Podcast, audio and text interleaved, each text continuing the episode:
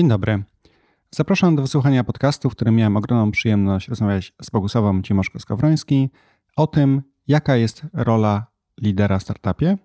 Bogusia w latach 70. wyjechała do Stanów Zjednoczonych, gdzie ukończyła MIT i gdzie spotkała Steve'a Jobsa. Od grudnia 2015 roku jest członkinią zarządu Fundacji Przedsiębiorczości Technologicznej, która na licencji globalnej organizacji MIT Enterprise Forum wspiera startupy technologiczne w Europie Centralnej. Moim drugim gościem jest Romeo Grzębowski, którego macie pewnie szansę znać już z poprzednich podcastów. Romeo mm, jest również mentorem w e, MIT Enterprise Forum i wspomaga mnie w dyskusji i debacie z Bogusiem. Zapraszam bardzo serdecznie do słuchania podcastu.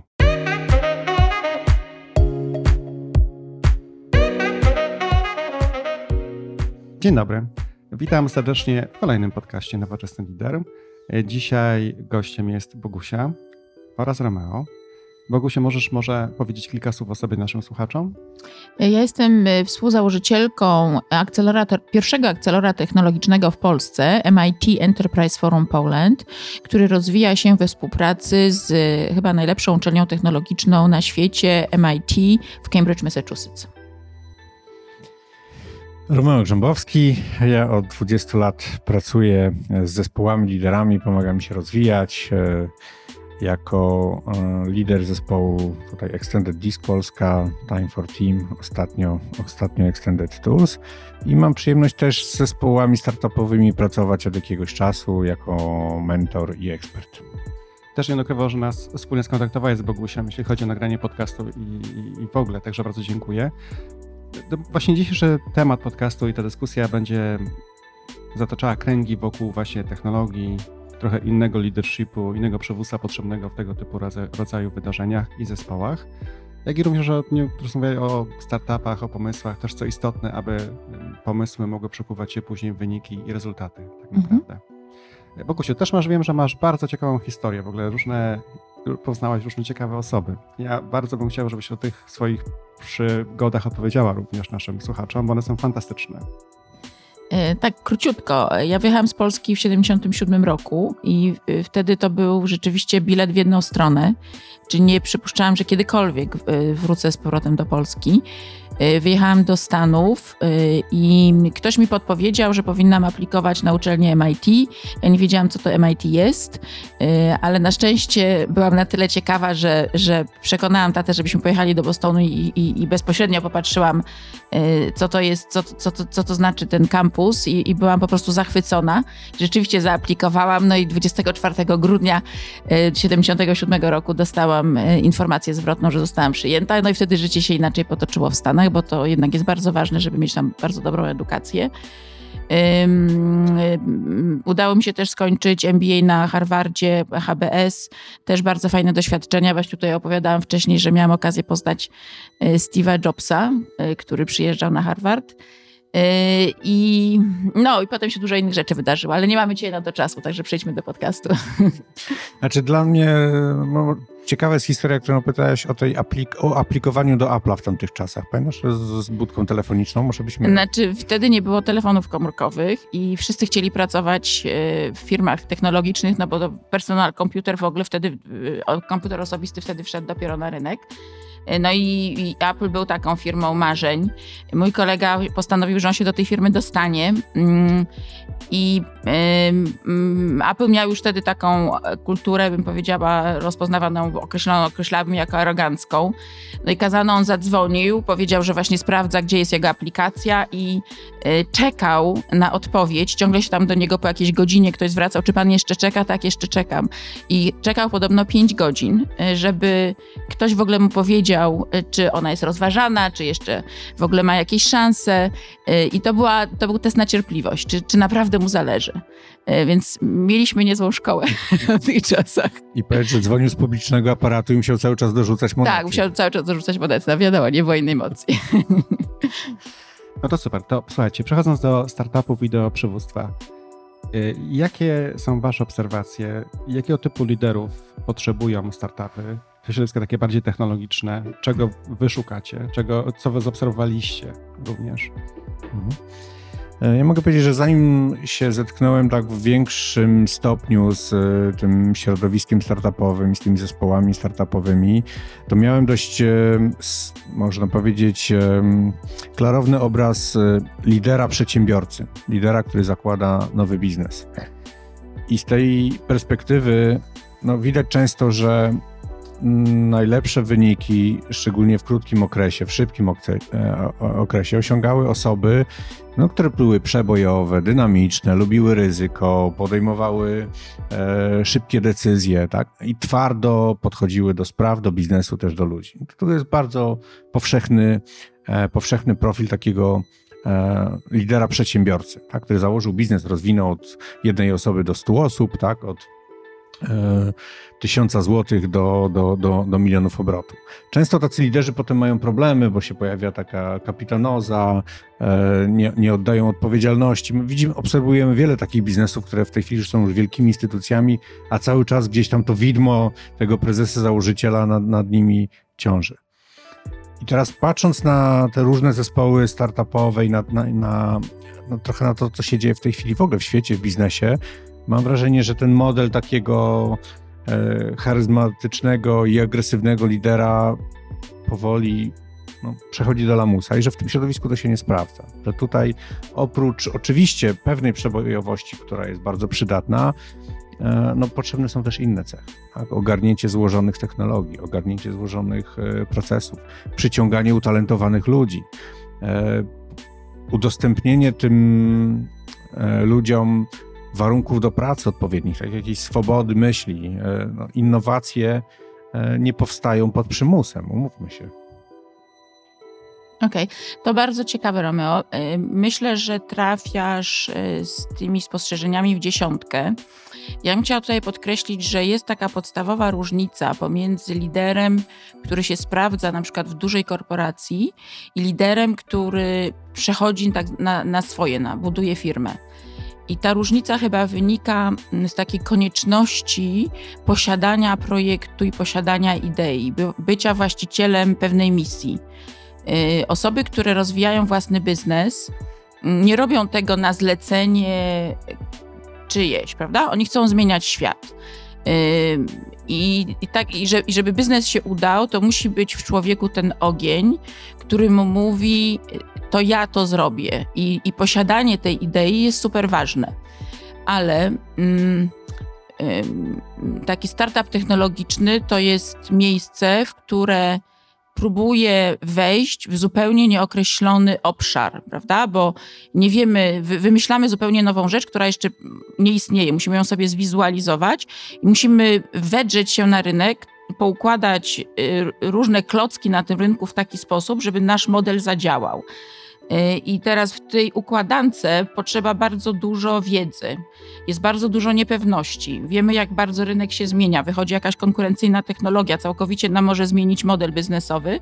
W związku z tym nikt nie jest sam w stanie zapełnić tych, tych wszystkich elementów wiedzy.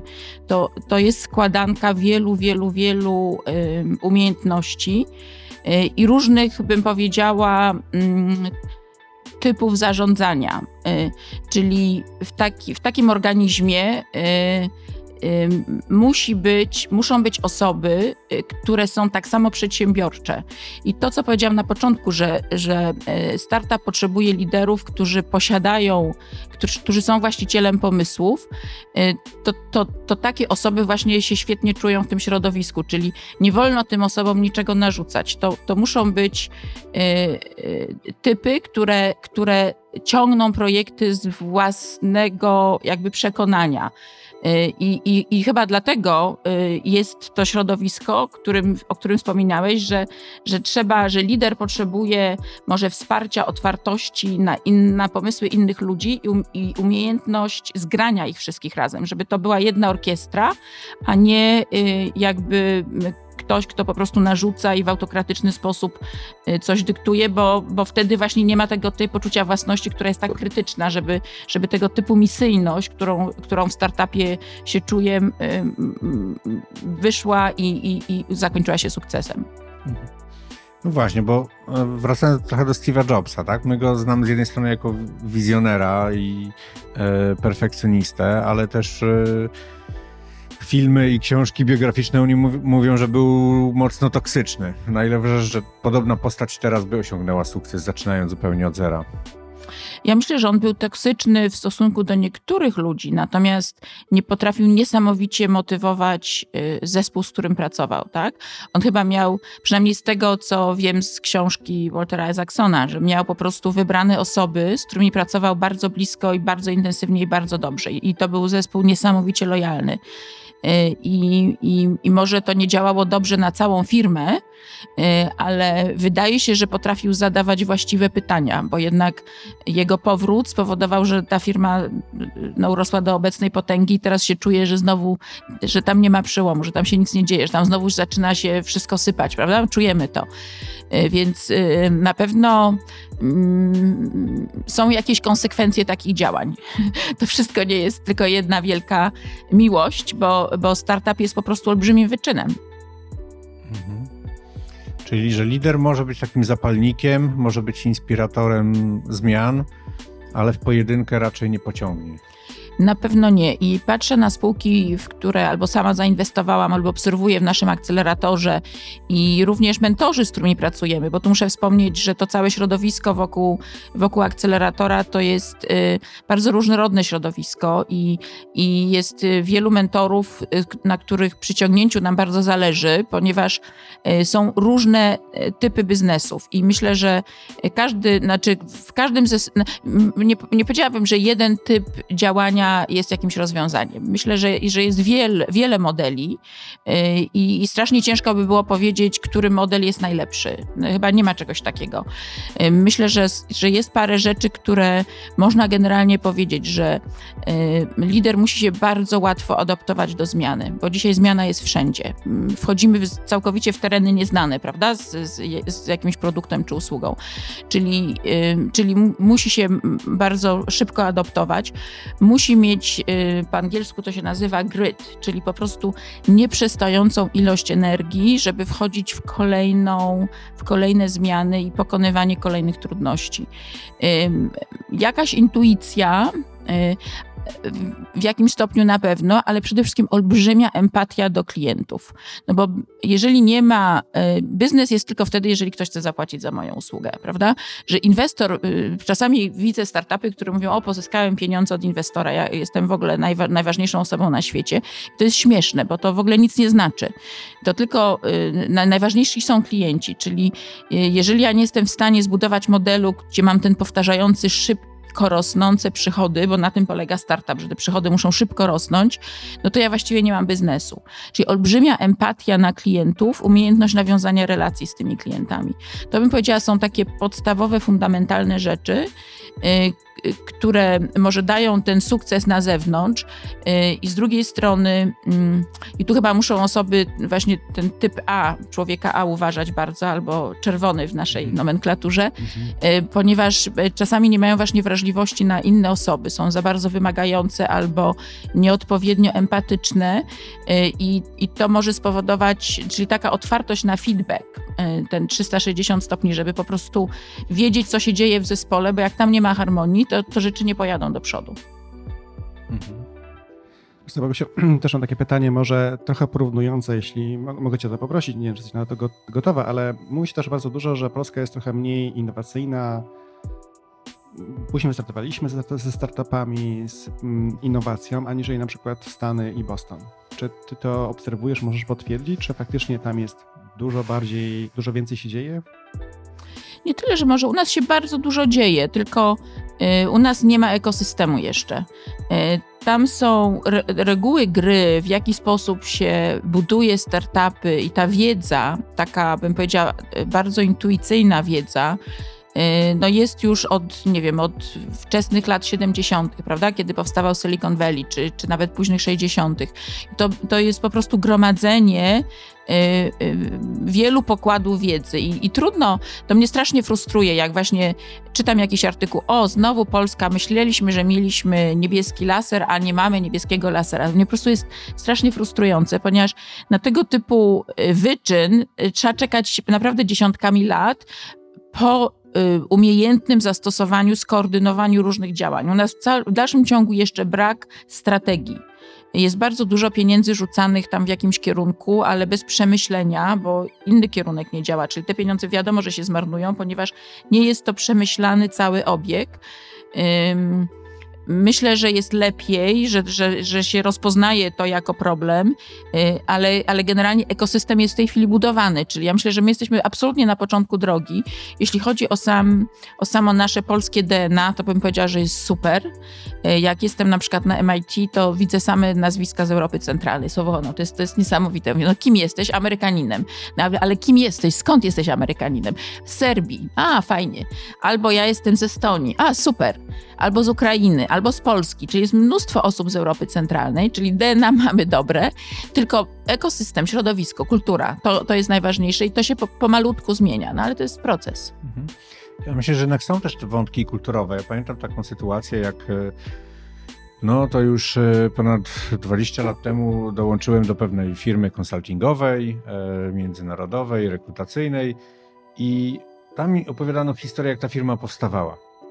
Firma powstała w Londynie i założyciel tej firmy, pan David Nicholson, jak poszedł ją zarejestrować, wymyślał nazwę, nazwał ją Nicholson International. I pierwszych klientów nie szukał wcale w Londynie, tam gdzie założył tą firmę, bo konkurencja była olbrzymia, tam było ileś tysięcy firm headhunterskich, tylko zaczął dzwonić do różnych stolic europejskich i patrzył, gdzie brytyjskie firmy tam mają biznesy i tak naprawdę pierwszy oddział firmy powstał we Włoszech, potem kolejny w kolejnych y, krajach. Czyli jak gdyby założył firmę od razu myśląc global i od razu szukając biznesu międzynarodowego. Tak? W tym samym czasie pewnie powstało wiele firm rekrutacyjnych w Warszawie, które do tej pory pewnie nawet istnieją i mają silną pozycję w Warszawie i w Polsce. Tak? I to jest ta różnica, tak? że, że jednak ta. No tak, tylko musimy pamiętać, że myśmy, myśmy byli za, za kurtyną, tak? że nie było możliwości wyjazdów, i, i to jest to są rzeczy, które się nadrabia latami. E, dopiero to pokolenie milenialsów zaczyna podróżować, ale jako historycznie my nie mamy relacji zbudowanych na odpowiednim poziomie. Tak, jak się jedzie na przykład do Stanów, to bardzo dużo Polaków trafia w tak zwane getta polskie, ale nie ma, e, nie, nie ma kontaktów na odpowiednio wysokim poziomie, żeby wejść do Google'a, do Facebooka na odpowiednio wysokim poziomie, żeby ktoś chciał z nimi porozmawiać o biznesie. I to, i i to jest przepaść, którą trzeba koniecznie nadrobić. To nie jest takie proste. W tej mentalności naszej musi się zmienić, prawda? Myśmy jeździli za granicę w innych celach, mhm. w dawnych czasach. Okay. Czyli kluczem trochę może być edukacja, ja myślę, że muszą, e, znaczy nie chcę, nie, nie chcę być nieskromna, mi się wydaje, że, że takie programy właśnie jak, jak akceleratory, które mają wyjście międzynarodowe, które przełamują te bariery, tak? Bo my zabieramy nasze startupy najlepsze na bootcamp, czyli 10 startupów jedzie na tygodniowy bootcamp i tam jest po prostu od rana do wieczora budowanie relacji. Czyli widzą inwestorów, widzą duże korporacje i to jest bardzo spersonalizowane pod to, czego te startupy potrzebują. Dostają mentorów na miejscu i z tego się budują bardzo dużo relacji, ale oczywiście ci ludzie, co zrobią to tylko wtedy w Stanach, jeżeli widzą, że mają dobry content. I muszę powiedzieć, że po ostatniej wizycie to dostałam tyle pozytywnego feedbacku, że nawet poproszono, żebyśmy rozszerzyli ten program, prawda? Bo, bo rzeczywiście te polskie startupy zrobiły wrażenie. Także to jest proces i myślę, że wiele tego typu wysiłków będzie potrzebnych, żeby, żeby tą rzekę wreszcie, żeby ona zaczęła odpłynąć szybkim nurtem. Długo się wiem, że też szukasz, poszukujesz mentorów dla startupów, prawda? Oczywiście. W swoim akceleratorze. Powiedz mi, jakich osób szukasz? E, dla nas najważniejsze są osoby z doświadczeniem biznesowym, tak? Czyli y, to są osoby, które najlepiej, idealnie by było w różnych branżach, które y, zbudowały swój biznes. Nieważne, y, nieważne tak naprawdę y, jakaś konkretna branża, ale przede wszystkim ważny jest proces budowania czegoś od białej kartki papieru, tak? Jeżeli się doszło do, do pewnych przychodów, no to było dużo ter, perypetii po drodze i, i, i generalnie nasz, nasze podejście do mentorstwa jest takie, do mentorowania, że nigdy nie dajemy rozwiązań, natomiast zadajemy umiejętne pytania, bo zawsze mówimy startupom: Słuchaj, ty jesteś jedyną osobą, która może zdecydować, co w danej sytuacji zrobić. To nie, in, nie ktoś inny powinien ci powiedzieć, tylko bo nikt inny nie wie, ty wiesz najlepiej. Natomiast ważne jest, żeby w odpowiednich punktach były osoby z doświadczeniem, do których dany startup może się zwrócić i zadać pytanie: Jestem tutaj, tutaj, co myślisz? I, wtedy z, re, z, reguły mówimy się, nie, nie odpowiadamy, co, e, znaczy mogę powiedzieć, co myślę, ale chodzi o to, żeby zadać pytania, czy, czy, czy ta osoba rzeczywiście przemyślała wszystko, tak? Czyli ktoś, kto ma takie sokratesowe podejście i się z tym czuje dobrze, żeby właśnie bez narzucania, ale raczej, żeby poddać dodatkowe ścieżki, wymyśleć razem, czy, czy to jest optymalna droga, to, to pewnie to jest fajne. Czyli osoby generalnie z dużym doświadczeniem biznesowym y, w różnych sektorach. Ramo, też byłaś mentorem, tak? Podczas y, tak, tak. Mam przyjemność y, pełnić ro, rolę mentora już w, w, dwóch edycjach. Za chwilę trzecia. Za chwilę trzecia, do której te, w tej chwili zapraszamy startupy.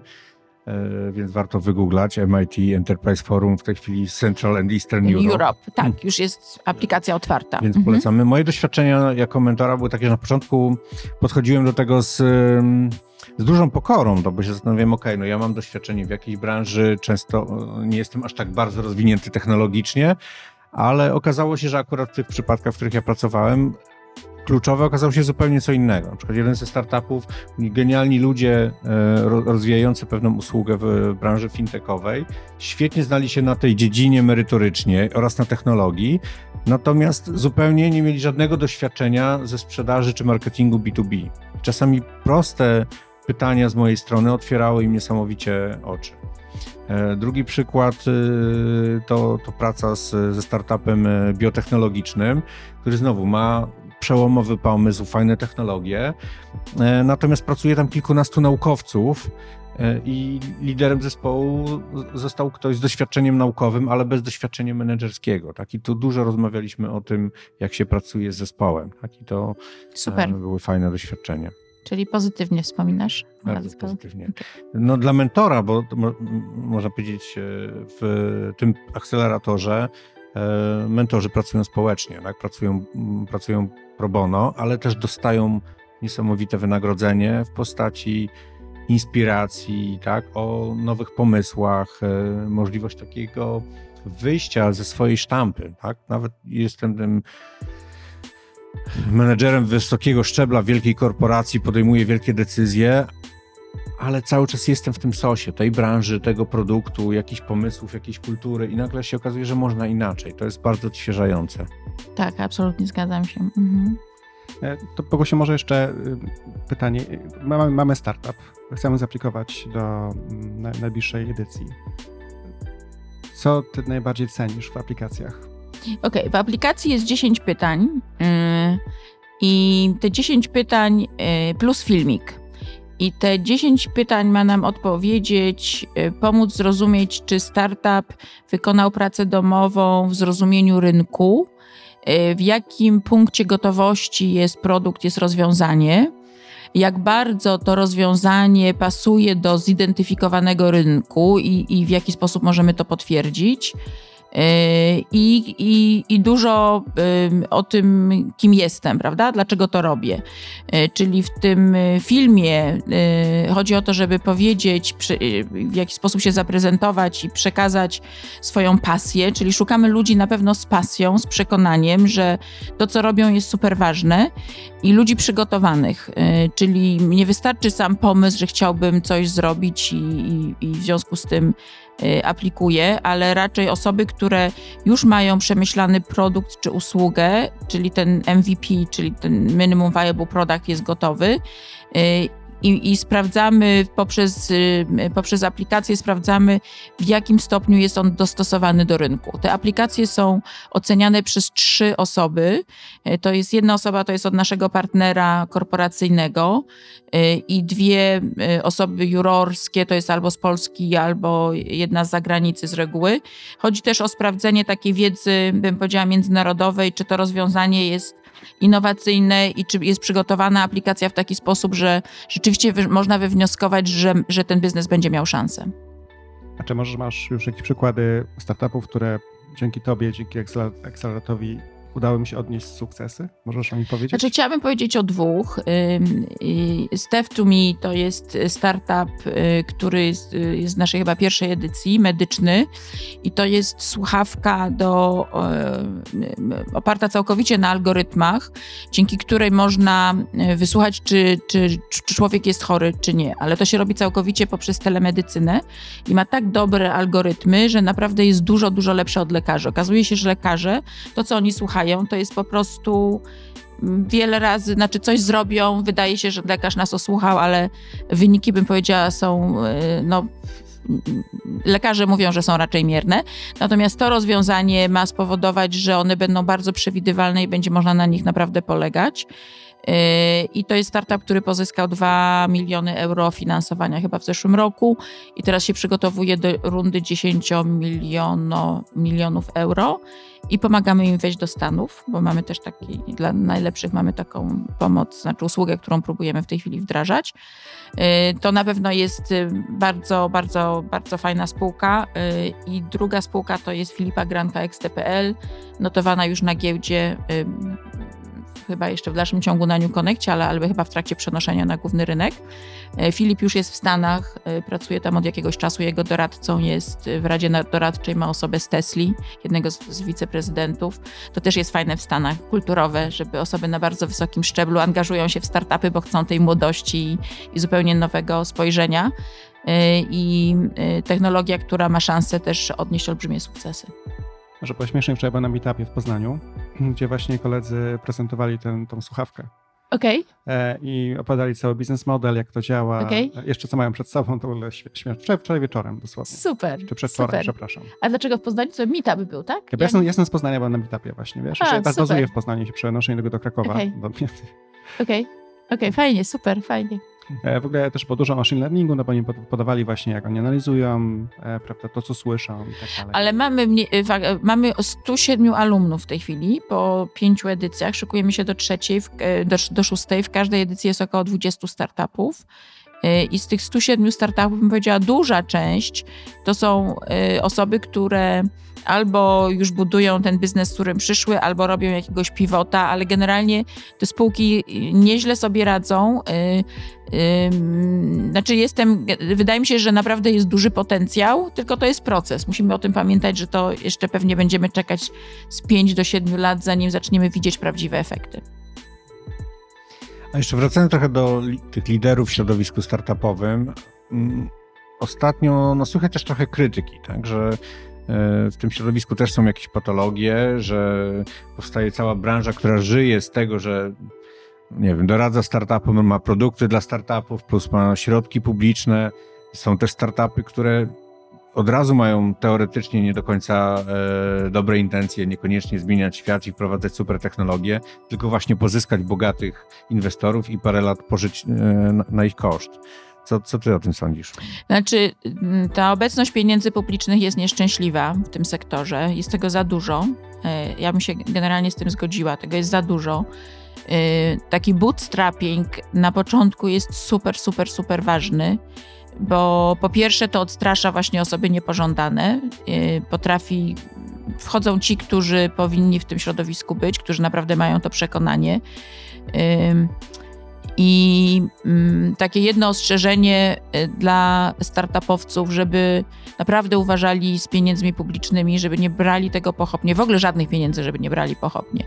Dopóki nie mam, nie rozumiem, jak działa moja maszyna zdobywania klienta i płacenia za moje koszty, jak ta cała, jak ten, jak ta cała maszynka będzie działała, to bym się bała po prostu brać zewnętrznych pieniędzy, no bo właściwie nie wiadomo, jak nawet ustawić moje cele. Jak ja sama nie rozumiem, jakie mam osiągać KPI i dlaczego takie KPI, no to, to, to do czego ja się mogę zobowiązać? Każdy inwestor chce, żeby ktoś się do czegoś zobowiązał i bardzo dużo pieniędzy idzie po prostu w błoto za szybko, nie, w nieprzemyślany sposób. Jeszcze pogościsz może odnośnie tych wyjazdów na bootcampy do e, Bostonu. Do Bostonu, właśnie. Powiedz mi, patrząc na te osoby, które wyjeżdżają, jaka jest główna zmiana po powrocie z takiego mm. podkampu? Przede wszystkim olbrzymia inspiracja. Dziś tak w połowie bootcampu te osoby nabierają niesamowitej energii, bo y, widzą, że wiele, wiele, wiele rzeczy można osiągnąć. Są otoczeni podobnymi przedsiębiorcami, którzy dają im poczucie, że właściwie świat jest otwarty, wszystko jest możliwe. Ja mogę wszędzie wejść i wszystko załatwić. I to jest niesamowite poczucie, że oni dostają takiego powera wracając, y, że, że wiedzą, że po prostu, że nie mają się czego bać że wszystko jest otwarte i wystarczy parę telefonów i to jest wszystko na wyciągnięcie ręki. I to mi się wydaje jest super ważne. Znaczy to zbudowanie relacji, takie poczucie, że świat należy do mnie jest, jest bardzo ważne. Super. Mhm. A jeszcze z tak perspektywy, nazwijmy to młodego lidera.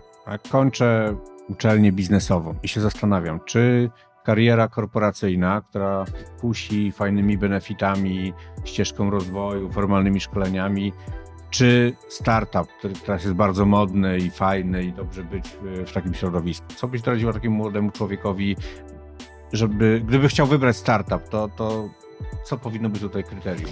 Iść za własną intuicją, rozumieć, dlaczego pewne rzeczy robię. Nie, nie trzeba nic na siłę, jeżeli tylko dlatego, że robią to koledzy, prawda? Znaczy, startup to jest olbrzymie wyzwanie. Jest to w sumie bardzo trudna decyzja, bo się rzeczywiście człowiek zrzeka no, no pewnego spokoju, prawda? I i się idzie w niepewne, więc naprawdę trzeba rozumieć, o co mi chodzi. Czy jestem osobą, która, którą y, motywują pieniądze, czy to jest rzeczywiście zmiana świata, o, o, o co o co chodzi. Y, I drugie takie ostrzeżenie, że wiele osób po szkole nie jest gotowych. Szkoła biznesu nie, przygotuje, nie przygotowuje do prowadzenia firmy. Ja sama poszłam w budowanie firmy po, po MBA y, i, i, i gdzieś miałam takie poczucie, że muszę to zrobić, ale nie wiedziałam mnóstwo rzeczy. I teraz patrząc retrospektywnie, może za szybko, bo, bo po prostu są to bardzo trudne rzeczy na początek, ale ja myślę, że nie ma żadnej reguły są takie sytuacje, musimy iść z, z własnym brzuchem, z własną intuicją. E, czasami po prostu pewne rzeczy musimy wyżyć i się nauczyć na własnej skórze. Nie ma chyba jednej reguły. Super, dziękuję, dziękuję bardzo serdecznie za rozmowę. Dziękuję bardzo. Bardzo interesujące historie Bogusiu. Bardzo Ci dziękuję również za, za, przyj za przyjazd do nas i Romeo za gościnę. Dzięki bardzo.